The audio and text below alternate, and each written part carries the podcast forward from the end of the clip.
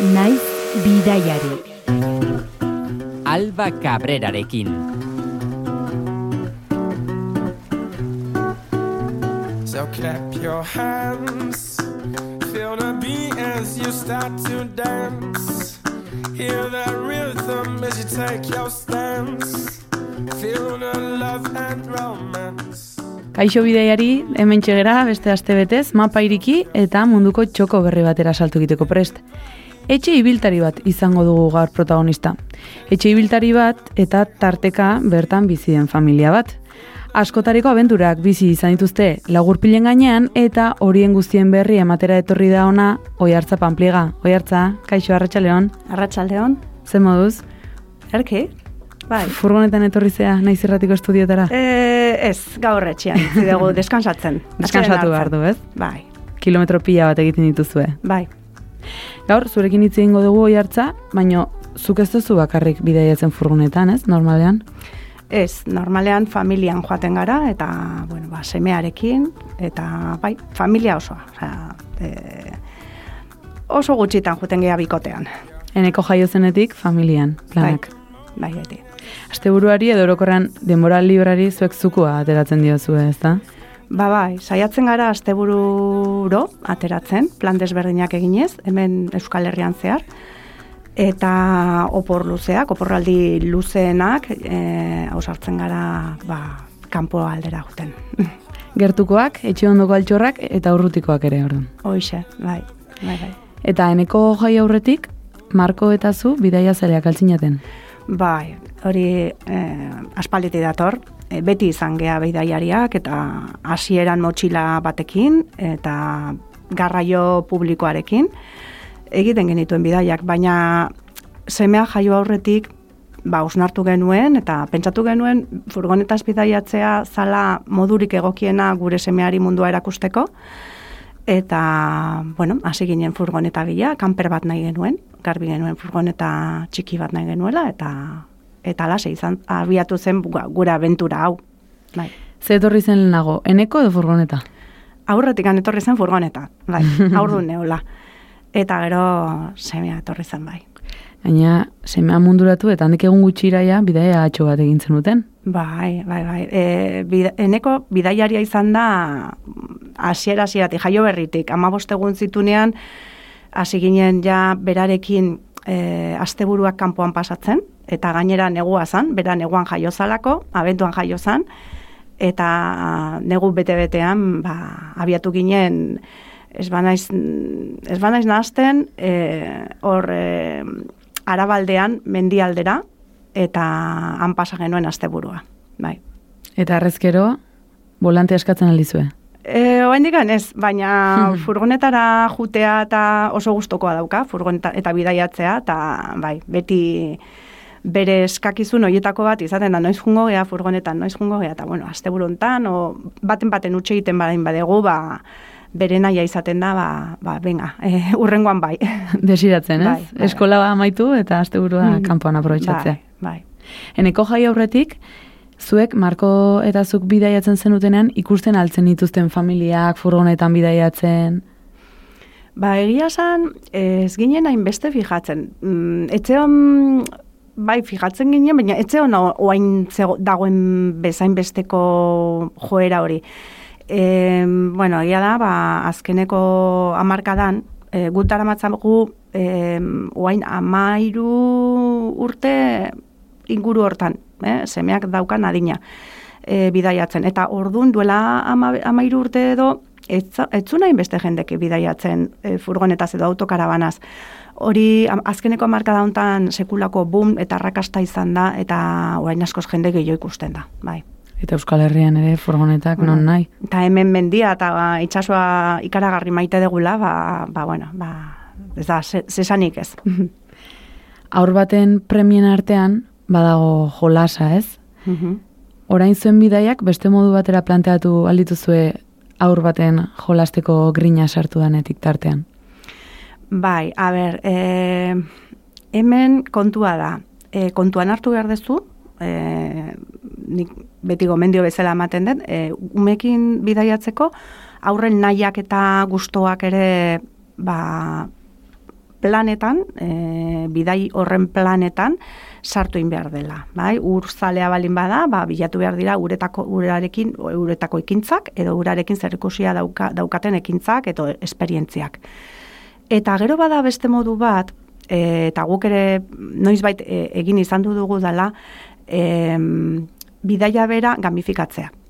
Eta e, sortzea alako kuadernuska bat, froga desberdinekin, jakindan orasoa zen, baldez aurretik prestatu, eta umeak, ba, ba, bueno, erantzun, e, erantzun batzuk e, bilatzeko pista batzuen bidez, erantzunak eman, bidaian zehar, eta, bueno, e, olako gamifikazioak oso interesgarriak dira aurrekin bidaiatuz gero.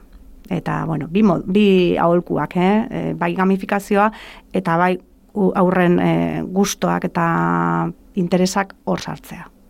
Gainera pentsatzen dut, herrialde batzuk erresagoak izango direla aurrekin bidaiatzeko beste batzu baino? Nik esango nuke ez ez. ez, egokituagoak e, edo bai somatzen dala, ez egokituagoak, bai, baizik eta kultura bera egon daiteke e, oituagoa aurrak jasotzen, hori bai, alde horiek e, igual nabaritzen dira, baina nik uste dut erreixa edo zailan guk geuk egiten dagoela. E, ez da la gehiago hainbeste geratzen besteen menpe. Egia da, ba, hori, ba, herrialde batzutan oso gustora hartzen dituztela aurrak, eta nabaritzen da, ba, jatetxe batea soaz, eta bere pintura pote ateratzen dizute, ba, margotzeko umeek, ba, zuk eskaera egiten dezun bitartean, edo platerak ekartzen dituzten bitartean, eta holako gauzak, ba, eskertu iten dira. Baina, mm, gero erraztu bidaia benetan importanteena dena bidai batean e, guk geuk egiten dugu. Bidaia guk egiten dugu, guk gea protagonistak. Bai. Etzarete nomadak oi hartza, baina ia aste ururo edo oporrak dituzuen ero ospa egiten duzue astigarragatik, bai opor motzak, baita luzeak egiteko. Irudika ezagun pixka bat gaur egun daukazuen furgoneta, milimetrora pentsatuta aldago, espazio? Ba oso pentsatuta dago e, oso pentsatuta dago eta eta mm, gure beharretara egokitua dagola, bai? E, esango dut ere bai. E, guk oso garbi, bueno, guk furgoneta hau, bigarrengo furgoneta hau izan aurretik txiki bat, txikiago bat izan genuen, Marco Polo marka edo mm, izenez ezaguna dana, eta bueno, hori ja ornitua etortzen da fabrikaz, eta jendeak ba, seguruna Marco Polo entzun ba, jakingo du, ornituta dagola, sukalde txiki badaka, oeak, bueno, minimo batzuk. Baina hori izan zen, semeak hiru urte izan arte, eta handitzen, handitzen, handitzen hasi zanean, esan genuen, ba, nahi dugu zerbait ja, e, ba, komuna, e, dutxa bat, eta eukidezana. Eta orduan, gure beharrak osondo ezagutzen genitun, eta joan ginen kanperizazio etxe baten gana, etxe batera, e, furgoneta erostera. Eta han, esan genien, zehatz mehatz, ze nahi genun gure furgonetan. Horregatik, bueno, bai, bai, daka dena pentsatua eta gure gustora, ez, esango genuke. Eta zein da zuen gustoa edo, zer nahi zenuten zuek, zuen furgonetan sartuko bagina, nola, nola irudikatu beharko genuke? Bada, furgoneta bat, kanpokaldean, ez da, bueno, kanpokaldetik ez du ematen kanper bat dena, esango, nuke, ba, bai, e, ikusten dala hor toldoa, eta jazta, ez dauka inolako la zentzurik. Baina barrutik, ba, bai, jasan komodia de guztiak dazka, bai. Komodia de guztiak, e, ba, autokarabana konbentzional batek eukil litzaz, litzakenak, eta gauzatxo batzuk gehiago ere. Ze, adibidez guk badaukagu, pues, e, e, amortiguazio hidraulikoa, importantea, eta hori, bueno, ba, mm, ibilgailu guztiek ez dakate, e, kanper guztiek ez dakate. Eta, bueno, ba, badauka, bauzkagu, gero gainontzeko, ba, oe elektrikoak, adibidez, guain ja arruntagoak dira, baina duela mar urte oe elektrikoak oso jende gutxik zeuzkan, e, batez ere komodidadea, ez? Botoi bat sakatu eta gora eta bera, nahi dezun neurrira jartzen duzu, komuna eskamoteablea da, eta botoi basakatuta ere kanporak ateratzen da, edo ezkutatu egiten da, badazka gauza oso bitxiak. Logistika ederra. Bai, hori ingeniero on batek pentsatuak dira, bai. bai. Leno, etxe ibiltari deitu diot zen furgonetari, lizentzia hori hartu dut, zakizu zen nabien, horrela sentitzen dezue? Bai, guretza da bigarrengo etxea edo lehenengo etxea, udaran behintzat, ze udaran nik denbora gehiago pasatzen degula furgonetan, etxean baino, e, gure bidai, uda, udarako bidaiak luzeak direlako batez ere. Bai. Mugitzeko beste modu bat ezagutu zenutela esan izan duzu, furgonetaren mundua, ez? Furgonetarekin bidaiatzeko mundu hori deskubritu zenutenean, nolakoa da modu hori? Zer ematen dizu zuei furgonetan bidaiatzeak? Bueno, ba, ba guri eman diguna izan da mm, mundua deskubritzeko beste modu bat, beste modu bat delako.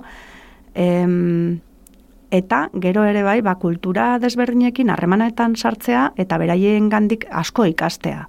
E, harreman zuzen hori, e, bidaiak berak ematen dizun aukera hori, ez, harreman zuzena izateko, hor ez dago intermediario, intermediariorik, ez dago agentziarik, ez dago zuri kontratatuko dizuna taksi bat ez daki noa nahi badezu edo lantxa edo ez dakizat zuzoaz, eta zuk hitz egin behar dezu bertako jendearekin, dendara jun, bertan erosi, merkatuan ibili, negoziatu, regateatu batzutan, em, mapak begiratu, hemen gelditu naiteke, hemen ez, e, baimen askatuko dut, bueno, zakit, de, de, tunezera joan ginenean e, aste santuan, ba, bueno, hor jarri ginen ez dakit nun gaua zan, eta pentsatzen genuen zala terreno bat, eta zan terreno partikular bat, eta orduan jabe atera zan, eta ai, esan genuen, ah, pues hemen jarri gara, barkatu juningo gara, eta ez, ez, ez, gelditu zaitezte, atera zigun fruta, osea, bueno, pues harreman hori, ez, esatezu, bueno, gaizkinde, dondoin bueno, azkenean, ez, ba, sorpresa horiek, ez, e, sortzen direnak bidaian bertan.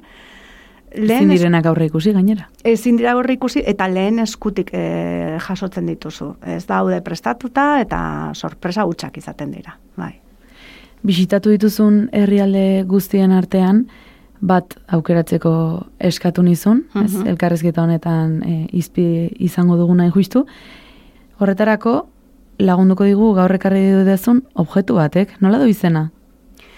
Bueno, ontzi berezi honek, em, ba, pri, ibrik, ibrik e, izena du, edo zebrek, bai? ibrik e, eta zebrek bi izen ditu, eta kafea prestatzeko erabiltzen da. Oso bitxia da, e, kuprezkoa da, kuprea eta latoia, eta beti normalean e, lagunduta juten da goliaratxo berezi batekin ere bai, lato, lat, latoiaz eginda ere bai, Kafezalea altzara, Ni oso kafezalea naiz, oso. Bai. ni bat ere. Eta, esan didazu, e, lehenago ez elkarrezketa hasi aurretik, herrialde batean baino gehiagotan en, ikusi duzula hau. Bai, e, guk ezagutu ditugunak dira Turkia, bera, Grezia eta Albania. Eta bi objektu hauek leku desberdinetan erosiak dira. E, Goliara Turkian bertan, eta e, ontzia ibrik e, Grezian, Greziako mendialdean. Esan duzu, prestaketa modu berezia daukala. Zaporea ere, diferentea alda hemengorekin alderatuta. E, zaporea, te- batez, bo, zaporea baino izaten da tekstura, ze e, prestatzeko modu horretan, ura irakein egin behar da, gero kafea dago eotuta oso modu berezian, kafea dago eotuta e, guk e, espresotarako erabiltzen dugun neurri baino granoa edo alea, osea, ez da, ez da, da alea ba, mm, oi baino txikiago hauen dikan, hautsa balitz bezala, ez da guk erabiltzen dugun eo, eotzeko neurri hori. Super, hemengo supermerkatutan ez da aurkitzen. Eh? Ema, kafeak ematen du hautsa dala, neurri hortan, hitz egiten nahi, eh? Eta orduan, e, goliarakada batzuk bota behar dira, ontzian, ura irakiten dagoela goliarakada batzuk e, botatzen dira, eta gero, ibrik jarri behar da suaren gainean, eta hiru alditan e, ura borborrean jarri. Tak, behin, bi, hiru. Eta gero, hori zerbitzatzen da katiluan, baina utzi behar da posoa ondoan jartzen. Eta gero, hor kafea den poso hori ondoan dagola, zuk edaten duzu kafea likidoa, esango genuk, ez da? Hori izaten da. Eta, bueno, esaten dute, prestatzeko modu hori nunbaiten irakurri dut, ba, ba, mm, patrimonio inmateriala dela. Eh? Eta orduan, ba, bueno, oso, oso mm, bere historia dauka, e, antzina prestatzen zuten basamortuan e, txingorren ga- gainean, eta, bueno, ba, bai, e, oso, oso gauza bitxia da. Patrimonio inmaterial hori zuk astigarra ganeaten aldezu. Ba, noiz bait, noiz edo noiz, edan izan dugu, ez da gure ohiko prestatzeko modua, baina noiz bait, bai, frogatzeko, eta berez badauzkagu oraindikan handik ekarritako kafe paketeak. Ze hemen ez dituzte saltzen, baina han, bai, han, Turkian bai. Beraz, nora egingo dugu salto gaur? ba, nik uste Turkiara joango garen. Bai. Nik uste dut ere. Kafe bat prestatuko aldegu, elkarrezketa egiteko. Ba, gustora, bai. Naiz bidaiari.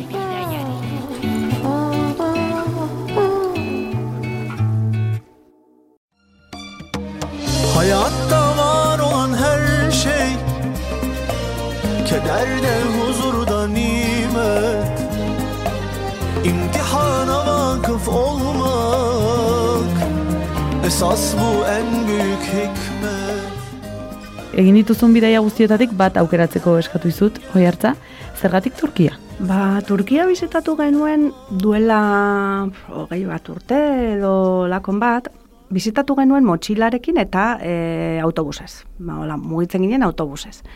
Eta asko, asko gustatu zitzaigun ikaragarri. Eta beti esaten, jo, berriz bueltatuko banitz noa baitea, Turkiara bueltatuko nintzateke. Eta oso garbi neukan bueltatu nahi nuela, eta, bueno, ba, horrela, bidai desentekin da geni- genitula furgonetaz, pentsatu nu jo, zergatik ez goaz Turkiara. Jende asko zijoan urte hartan Noruegara, e, eta Norvegiara jun ordezan, ni Norvegiara, ba, nahiago, nahiago de Turkiara jun. Eta berriz ere bizitu, ikusi, leku, bizitatutako edo ikusitako leku batzuk bai, baina gero beste batzuk berriak ere. Hogei urte igaro dira, batetik bestera, zuek hogei urtean aldatu zaretela pentsatzen dut, Turkia ere aldatuta ikusi altzen nuen. Ba, bai, egia esan asko zirekiagoa, eta gero ere bai, em, nik, ez, nik esaten detena da, bueno, edo ikusi nuna da, e, Turkian errepidez edo nora iristen zarela, edo nora. E, joan ginenean duela hogei urte egia da e, errepide asko zegoela ere bai, eta baina hauain asko oso beto daude. Oso oso ondo, aurkitu nun oso ondo. Mm. Ezaguna zaizu hortaz herrialdea, praktika daukazu ez, furgonetan kilometro pilo bat egiten, Bai. azaldu iezu entzule, azaldu iezu neri ere, zer da beharrezkoa bai ala bai motxilan sartzen Turkiara joateko? Turkiara joateko? Bueno, nik beti esaten den, argazki makina beti. Beti, leku guztietara, ez, Turkiara joateko ere bai. Eta Turkiara joateko, bueno, nik esango nuke ere ondartza politak dituela eta maskara ere sartzeko. Bai. E, Turkia ez da bakarrik Istanbul eta junda etorri, abioiez, Turkia kosta ikaragarri politia daka. Eta gomendatuko nuke hori, ba, maskara bat sartzeko. Ba, bi- Buzeatzeko maskara bat, hitz egiten nahi naiz, bai? Paspada, hori maskarak, ja. Bi modu, omen daude, Turkiara furgonetan iristeko, horrela xe dituzu gutxi gora bera zuk zehaztuta, zeintzuk dira laburra zaluta bi modu horiek? E, lehenengoa da guk e, egin genuen modua, e, guk egin genuen modua da e, hemendik atera eta errepidez osatu ibilbide osoa. Europa osoa zeharkatuz. Herrialdez, herrialde. Banan, banan. Banan, banan. Fronteraz, frontera. Fro- bai, muga guztiak zeharkatuz. Eta hori, ei, eromen bada, baina, hola ingenun. Eta bigarrengo modua izango litzateke Greziarako aspaldi egin genuen bidai baten antzera, dala Bartzelonan hartu ferri bat, zeharkatu Txibitabekiaraino, Txibitabekia zeharkatu Italia, aldetik aldera, eta han brindizin hartu berriro ferria zeharkatu Greziaraino igumenitxan agertu, eta ja Grezia zeharkatuko genuke mendebaletik ekialdera, eta edirnetik sartu Turkiara. Eta hor, bi ferri hartzen dira, baina atxedena hartzen dezu tarteka. Eta, bueno, ba, bada bidaiak bai era batera edo bestera lau egun hartuko dizkigu, eh, hori baino gutxiago ez, detuzte. E, Donosti Istanbul uste dut irumila berreun bat kilometro ingenitula, orduan hortik kontukatera. Eta, bueno, ba, nik uste dut e, bi, bi moduak kontuan hartuta, guk egin genuen mugaz muga, baina, baina berriz egin beharko banu, ba, joango nintzateke ferri hartuta. Bai, Deskantxo gehiago, bai, bai, atxedena hartzen da, tarte hortan, bai. Bidaia hasteko behintzat energia eta pila kargatuta. Bai, bai, bai, bai, hori da. Nahiko ruta zirkularra eman zenioten Turkiari. Mhm. Bueno, toki batzuk ezaunagoak e, izango zaizkigu, beste batzuk ez horren beste, baina bueno, guk batzuk ikutuko ditugu bakarrik, e, zenbat egun hartu zizuen zuei e, bidaiak? Hogeita emezortzi. Hogeita emezortzi egun labur biltzea. Bai, lau jun, lau etorri, eta hogeita mar bertan. Ba, hilabete oso bat, Bai, ordu beteko saio batean laburbiltzea oso zaila denez, bai. zertzelada batzuk emango ditugu. Eta zertzeladekin hasteko zuen lehenengo jauziari buruz hitz egingo dugu, Istanbul.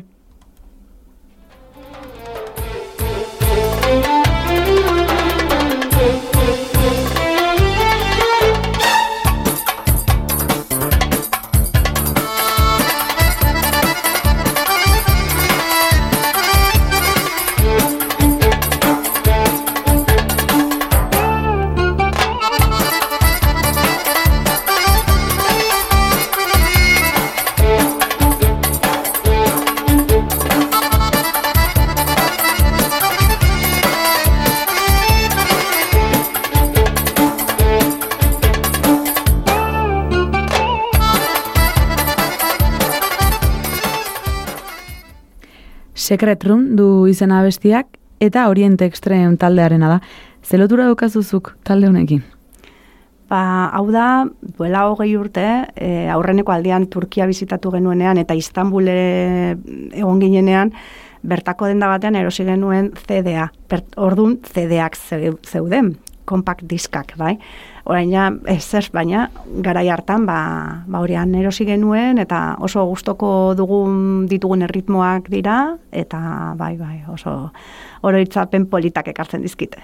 Gerora egindako bidaietan ere furgonetan jartzen aldezue. Bai, bai, bai, bai. Bai, pasata daukagu baita ere pendrive batera eta oso gustoko daukagu. Bai. Xarma berezia omen dauka Istanbulek zuretzako. Zer du magikotik hiri horrek? Uf, gauza asko dauzka. Galdera zaila da hori. bai, bai, gauza asko dauzka. E, bizitza handia daukan hiria da, hori asteko. E, dituen monumentuak patrimonio izateaz gain asko eta asko e, ikusgarriak dira. Hor daukagu mezkita urdina, e, hor daukagu mm, tokkapi da mm, alako jauregia, bai, esango genuke. E, badaukagu zisterna bat ikaragarri bizitatzen dana eta bueno, oso ikusgarria dana ere bai, oso handia. Em, Sultana meteko lorategiak oso politiak dira, bizitzaz beteak eta ez dakit, nik pasako nituzke hor arratsaldeak eta arratsaldeak. Eta gero bosforotik ibiltzea adibidez, ba, bueno, bere xarma dauka, naiz eta bueno, gu egon ginenean dana marmokaz beteta zeon, ikusten ziren mm, pila bat eta pila bat, baina handik paseatzea ba, barkuarekin oso gauza polita da, eta gero jetxi barkutik eta arratsalde partean baliketmet famatu bo, bokadillo, arrain bokadillo batzuk famatuak dira, bertan bertakoek jaten dituztenak, ba, jan, ez dakit, e, mila plan egin daitezke. Istikalka desi bizitatu, oso, ba ez dakit, e, oso alderdi desberdinak ditu, baita ere, alde, e, zubiaren alde batetik, zubia- zubiaren beste aldea, hor daukazu galata dorrea ere bai, hortik e, ba, euski jartzeak ikustea ikaragarri politia da, ez dakit, mila, mila gauza. Bai. Horixe galetu nahi nizun. Iluntzeak nahiko famatuak izaten omen dira Istanbulen, ez? E, urrezko adar horretan, bosforoan. Bai. Kolore politak hartzen alitu zeruak eta eta islada polita egiten aldute e, Bai, baina nik- Istanbuleko mezkitek. Nik esango nuke ez bakarrik kasu hortan Istanbulen, baizik eta Turkia osoan Mediterraneo ematen duen herrialde bat da eta e, euski jartzeak oso gorristak izaten dira, ezta? Eta oso berezia izaten dira, bai. Eta Istanbul berez, ba, ja Marko Politxa balin bada jartzen diozolako eguzki jartze bat, bai, ze esanik ez, bai. Istanbul gainera nasketa handiko e, iria da, Asia, Europa, Mhm. ez tarteko atea bosforoa, Europa modernoagoa, Ottomandar imperioaren arrastuak, Nasketa politxa eta oso erakargarria, azkenean. Iuntza aipatu dugu, behin eguzkia izkutatuta, bizitzak jarraitzen omen du Istanbulen, ez? Eta ez da oso ideia ona izaten furrunetan gau ez iristea. Ba ez, gau ez iristea ez da ideia ona inora ere, baina askotan eta askotan gertatu zaigun bezala, ba, ba gu Istanbulera gau ez iritsi ginen. Gau ez, e, ilun, e, ne, oso nekatuta, eta autokarabana area bat bilatu behar genuen eta gainera zentro-zentroan zeon. Orduan, ba, topatu ginen, bapatean, e, bueno, iluntasunarekin, e, nekea, jendea kaletik, bakizu, ba, ez da, han ez dira, e, ba, gidatzeko edo ibiltzeko kaletikan e, arau oinarrizkoenak ere errespetatzen da. Orduan, jendea zeharkatzen zan, bizikletak, ez dakiz, bueno, izan zen, eta gero kostatu zitzaigun aurkitzea, e, bueno, lekua, eta nahiko kaotikoa izan zen, eta estresantea. Orduan ez diogu inori gomendatzen gauez bida- em, gidatzea, eta are gutxiago da gauez iristea Estambulera. Bai. Gero, bihotzeko revoluzioa jetxi altzen dituzten, ba, bazarrean edo edo gozoak jaten. Bai, eta batez ere, e, bueno, han e, egoten dira, lokum ustet izena dakatela, alako gomazkoak ematen dituzten gozo batzuk, ez dira baklabak, eh? lokum izeneko gozo batzuk badaude, Turkian, e, eta, e, bueno, oiek, e, oiek jangen itun, eta egia esan e, asko gustatu zitzaizkigun ere, bai, baklabak lehenotikan eta beste leku askotan jan izan ditugu, baina, baina, bueno, bai, bai, gozatu genuen, gozatu genuen gero gure, gure bisita. Hemen gero gozo horiek en, erosteko aukera izan aldezue. Ez, hemen ez, baklabak bai dago aukera, baina lokun horiek ez. Ez, berriro e, aurkitzeko nik uste dut, e, ara, ara jo beharko genukela, bai. bai. Hortxe daukazue, ba, ez? Amua. Bai, bai, berriz itzultzeko aukera edo zeinek balio du, eh? bai, bai. bai. Beraz, lau eguneko kilometraje luze horren ondoren Estambulen sartu zinaten gauez, gau kaotikoan, bihotzeko revoluzioa jetxi zen dituzten, eta oraintxe apur bat tartea hartuko dugun en, kostara e, jetxi zinaten, Mhm. horri buruz hitz egingo dugu orain, baino galdetu nahi nizun, horren beste kilometro egiten direnean, e, eta elkar bizitza ibilgailu batean egiten denean, Norberarentzat tartea ere hartzen aldezu ez, e, denbora guztian e, elkarrekin zaudeten hogeita marregun horietan. Norberarentzat e, ez dago tarterik. Ez, egia esan, e, olako bidaietan harremanak oso estuak dira. Beti elkarrekin, go, elkarrekin jeiki, elkarrekin gozaldo, elkarrekin egiten ditugu planak area honea, ez, ez, da, ez da egoten. Egia esan, e, egunak e, planteatzen dira bisita egiteko. Ez da izaten pantxin bat esango nuke Nikola atxedena guain ondartzan botata eta hola. Ez, ez, ez, ez, hemen dana da aktiboa. Egin behar dira gauzak, ta, ta, ta gauzak egin, bisitatu, oain hau, eta normalean gainera banatzen dugu goizean, hau, bazkaldu, eta arratsaldean beste ura ikustea. Saiatzen gara, hori bai, orekatzen, e, aktibidade fuertea goizean baldin bada, atxaldean lasaiagoa izan da dira. E, baina, baina ez, ez dago la tarte bat individualki norberarentzako hartzeko. Ez, ze oporroiek izaten dira nahiko kaineroak, esango nukenik, e, bizkatez, e, eta eta bizita asko antolatu egiten ditugu eta saiatzen gara gainera betetzen. Gustatzen zaigu betetzea. Bai, bai, bai. Improvisaziorako ere tarte uzten aldezue. Bai, bai, bai, bai. Hor nik daukate saldi famatu bat eta da bideak, osea bidaiak bidea erakusten du. Bai. Hau da guk dena planifikatua eramaten dugu, niri asko gustatzen zait hori dena planifikatzea, etxetik etxean aurreko hilabetetan aritzen naiz mapak ikusten, eh, ibil, ibilbideak eh, markatzen, eh, ibilbide horren gel, geldiuneak, nun egingo dugun lo, zer ikusi, bisitak, zer behar da, bisita berziak baldin badira, edo reservak egin behar badira, edo ba ez dakit, ez? Guzti hori antolatua, baina gero, e, bertan gaudela ikusten badin badegu lekuren batek ez dula gure gure zea betetzen, gure nolabaiteko guk uste genuena edo ez bagaitu betetzen, june egiten gara, e, beste leku bateren batean e, ba ikusten baldin badegu oso gustora gaudela e, e, denbora gehiago ba eskaintzen diogu, eta hori moldatzen juten gea bidaian zehar. Malgutasuna ere, ez? Hori da, hori da, bai. Eta batzutan, pues, baita ere gertatzen dira, pues, hau nahi genuen ikusi, edo nea jun nahi genuen, baina izu, pues, zin izan du da, eguraldi txarra egiten zulako. Beti, pues, bidaietan gertatzen dien gauzak dira, bai. Eta irekita gaude, egon behar dugu, bai. Ba, Estambuleko eguzkitan blaitu ondoren, ozen freskotasun apur baten bila ba, kostaldera. Eta lehenengo geldialdia Egeo itsasoaren kostaldean egingo dugu, Efeson, Mhm. eta zehazki liburutegi batean sartuko gara, liburutegi baten barruan. Mhm. Nor da Celso, oi hartza? Bueno, Celso nor zen, e, ez dakit zehatz mehatz, ez dakit antzinako pertsonai bat zan, edo bai dakidana da Celso liburutegia, e, dala munduko hirugarrenik e, handiena, Alejandriakoa eta Pergamokoaren ondoren, e, badakit ere bai, e, zutik dirauen mm, handiena dela, hoien artean, ze, bueno, Alejandriakoa jaz daukagu, eta hau dela, zutik dauenen artean handiena, eta, bueno, ba, hori izaten da, e, Egeo aldean jendeak egiten duen geldiune, bueno, hango Efesoko arkeologi ez bakarrik e, liburutegia, baizik eta bertako arke- arkeologi gunea e, oso bisitatua da. Hori da egin beharreko bisita bat.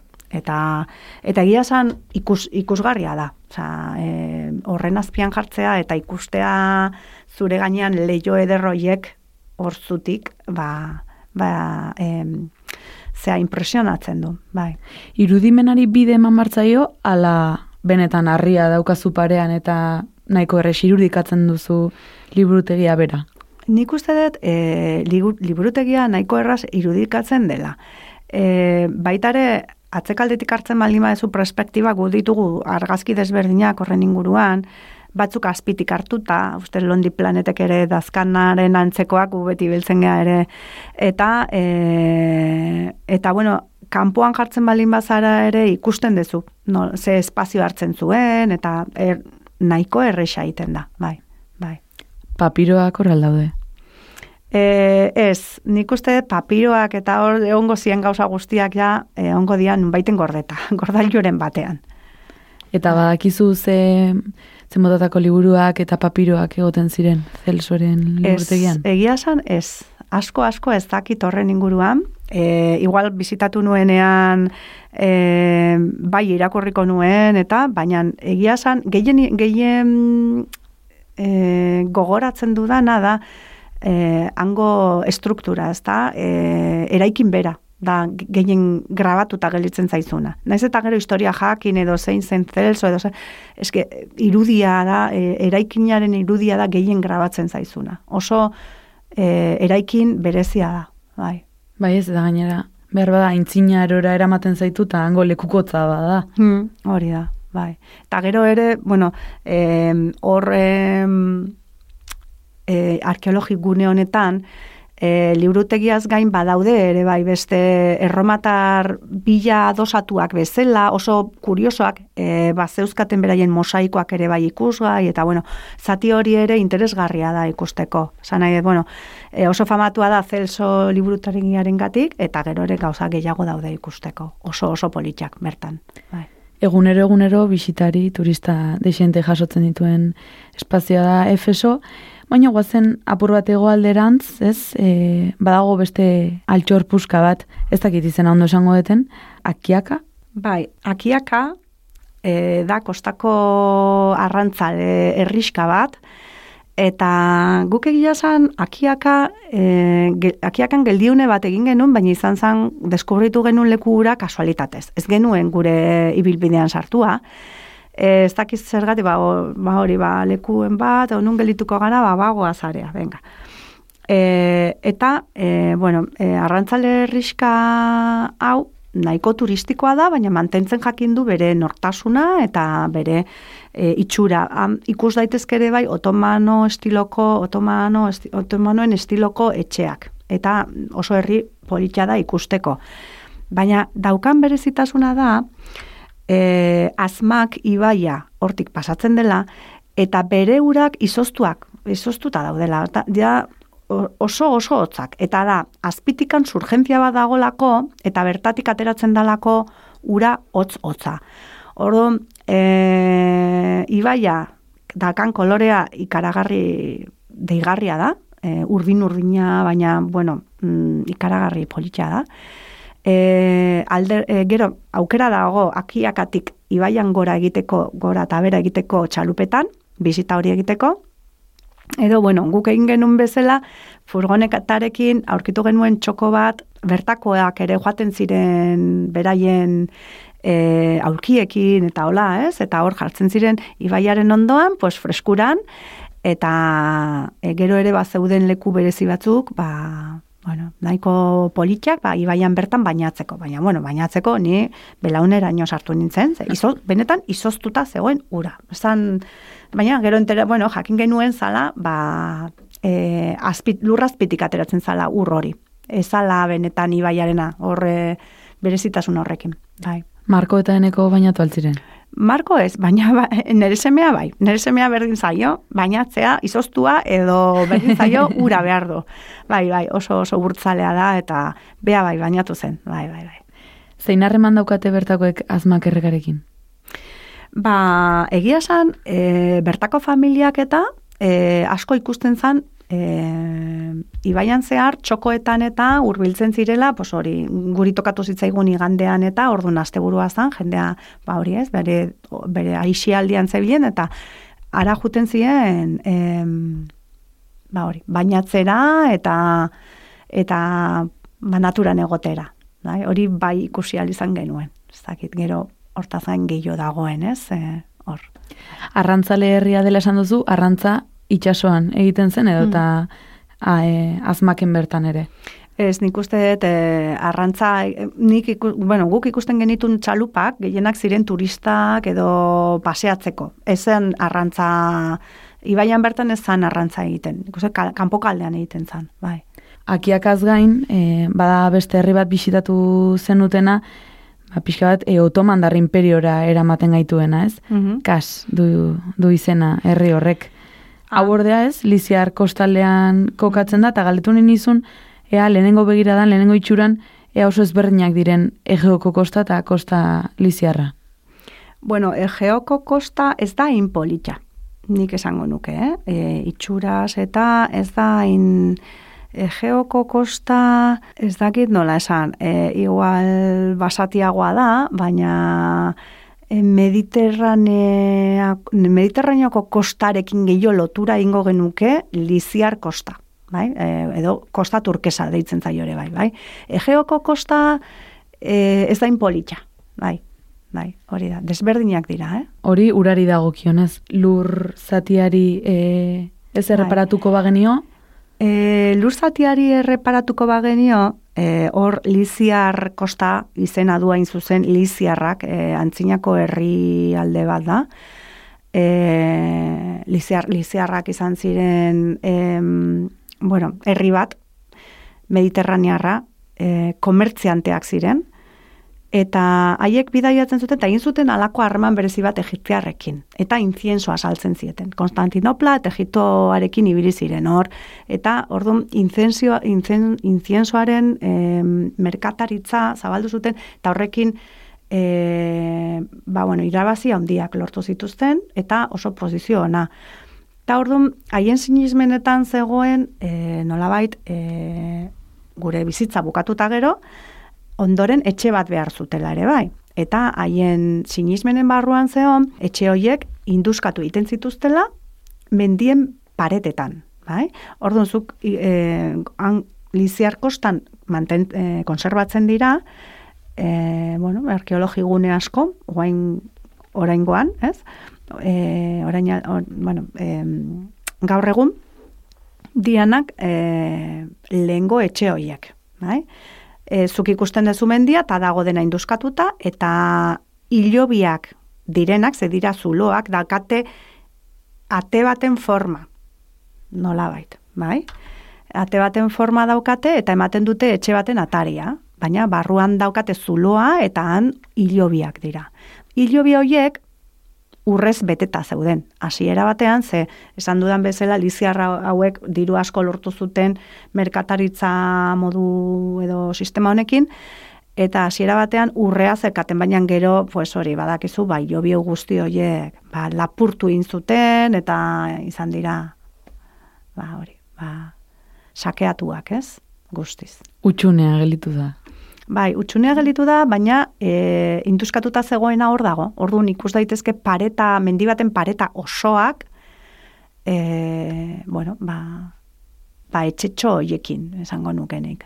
Ba, akizu zergatik mendietan? Ba, ima, ba, ez dakit egia esan zergatik, ez dakit em, altuerarekin zer ikusia zeukan, ba, baiten, baina altueran egon behar zuten, e, beraien erosoa zelako asko kabitu behar zirelako, ez dakit, egia esan ez dakit eh, oso ondo zergatik egiten zituztenan. Mm. Kaserrian ba alda, hilobirik. Bai, kaserrian badago, kaserrian badago, e, eta badago bat oso handia, ez dakite, igual zuk laguntuko iazu, baina badago bat oso ezaguna, e, nik seguruna, bloga idatzi, blogean idatzita izango dut, baina oain nola buruz ez dakit esaten. Badago bat oso ezaguna dana eta asko bizitatzen dena. Eta kaserrian ere badago zerbait oso berezia e, baitare alderdi ontakoa dala sarkofagoak. Sarkofagoak non nahi daude eta kaserrian oso bizitatua dana da er, e, kalearen erdian dagoen sarkofago erraldoi bat dala e, el sarkofago del rei, o la tumba del rei, deitzen diote, bai? Hori da oso oso bizitatua. Kas oso herri ezaguna da eta eta oso bizitatua. Ba, sarkofago ez, iobi ez, itzen egiten ari garen honetan, ezinbestean kaiakoi aipatu behar dugu, ustutako herria. Bai, bueno, kaiakoin bertan ez dago, eh? ez dago olakorik. E, mira herrian bai daude, den, denbre, bueno, mira herria da antzinako herria, denbretik gertu dagoena.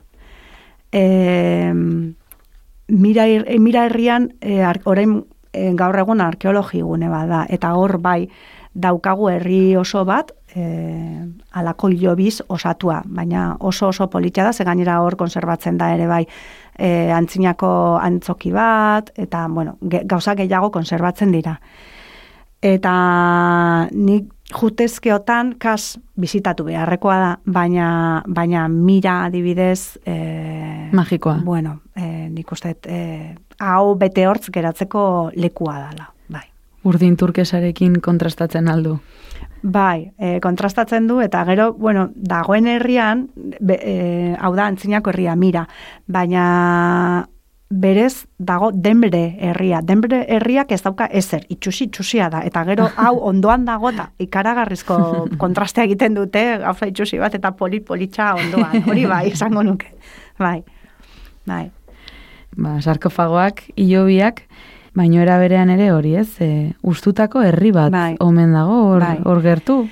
Gero hor, kosta honetan oso oso ezaguna da oludeniz. Eta oludeniz da oso herri turistikoa. Bueno, nik gomendatzen dut paso egitea, trrr, pasatzea, hau da, pasatzea, paso egin eta pasatzea, biak, erabiko ditut. Eta oludenize, oludenizetik oso gertu e, kaiakoi ustutako herria dago. Bai? Eta kaiakoi herri hau, nik komendatuko nuke bizitatzea, e, sarrera bat ordaindu behar da, bueno, ba- baina nik ez da sarrera ordaindu edo ez ordaindu, baina arratsaldean junezkero eguzki jartzi polit bat badago. Eta, eguz, eta eguzkia jarri eta gero gainera ilargi ateratzen baldin bazaizu, argazki perfektoa da, kaso. Gu hortan saiatu genuen eta uste aterata daukagula. Lortu. Bai, lortu genuen.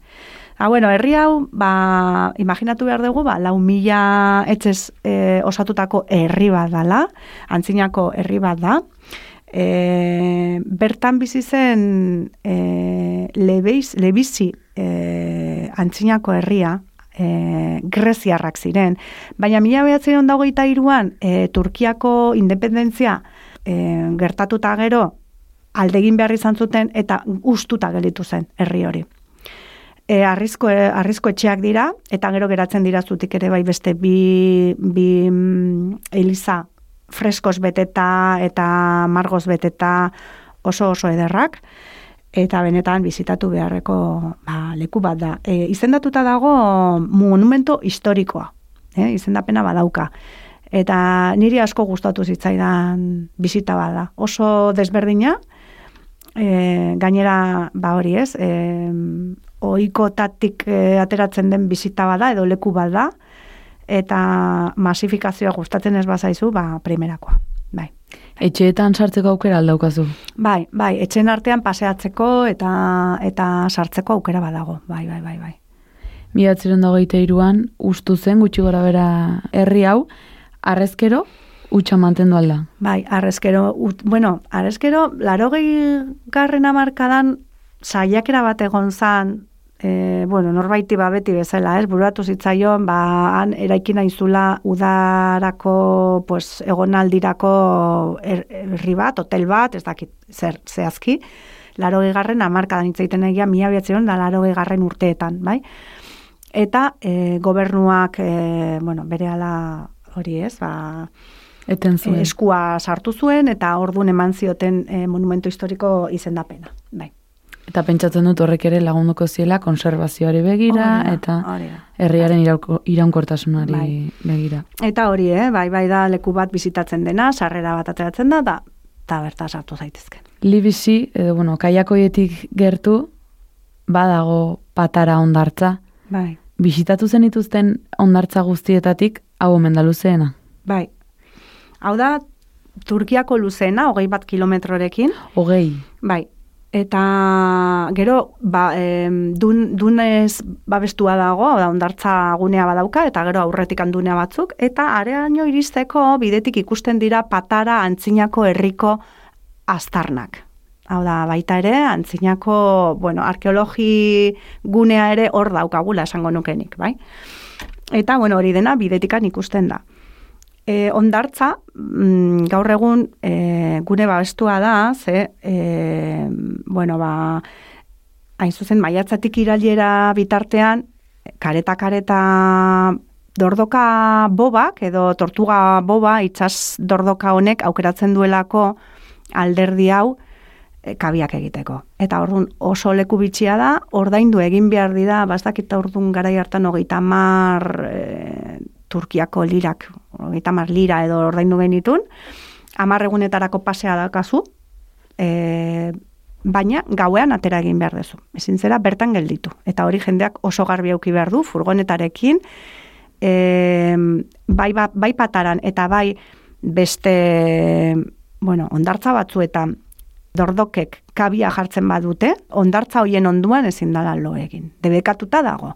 Debekatuta dagoen gauzetako bat Turkian, hori izaten da. Ze oso debeku gutxi daude lo egiteko, edo akanpatzeko, baina horiek bai debekatuta daude. Bai?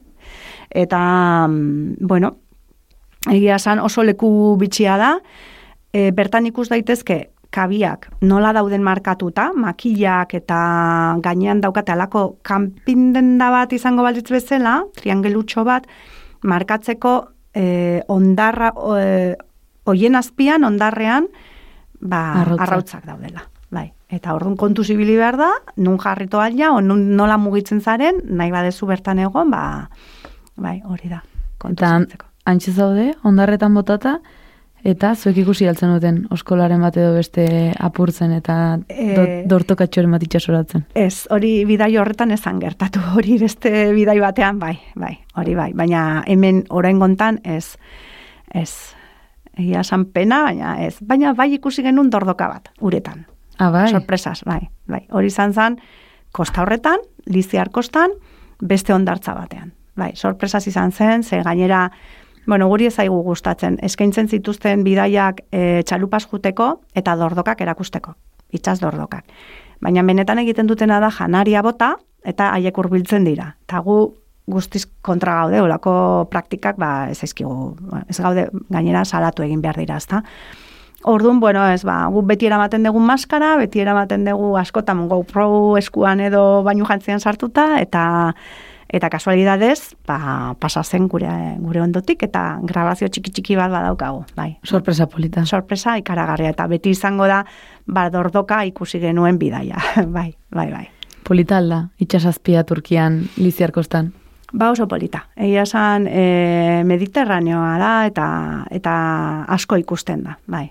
Ai, arrain asko ikusten dira eta oso garbi ikusten da eta gero ondoak izaten da oso txuriak, oso argiak, bai. Oso polita. Magikoa. Bai, bai, bai. Hori da.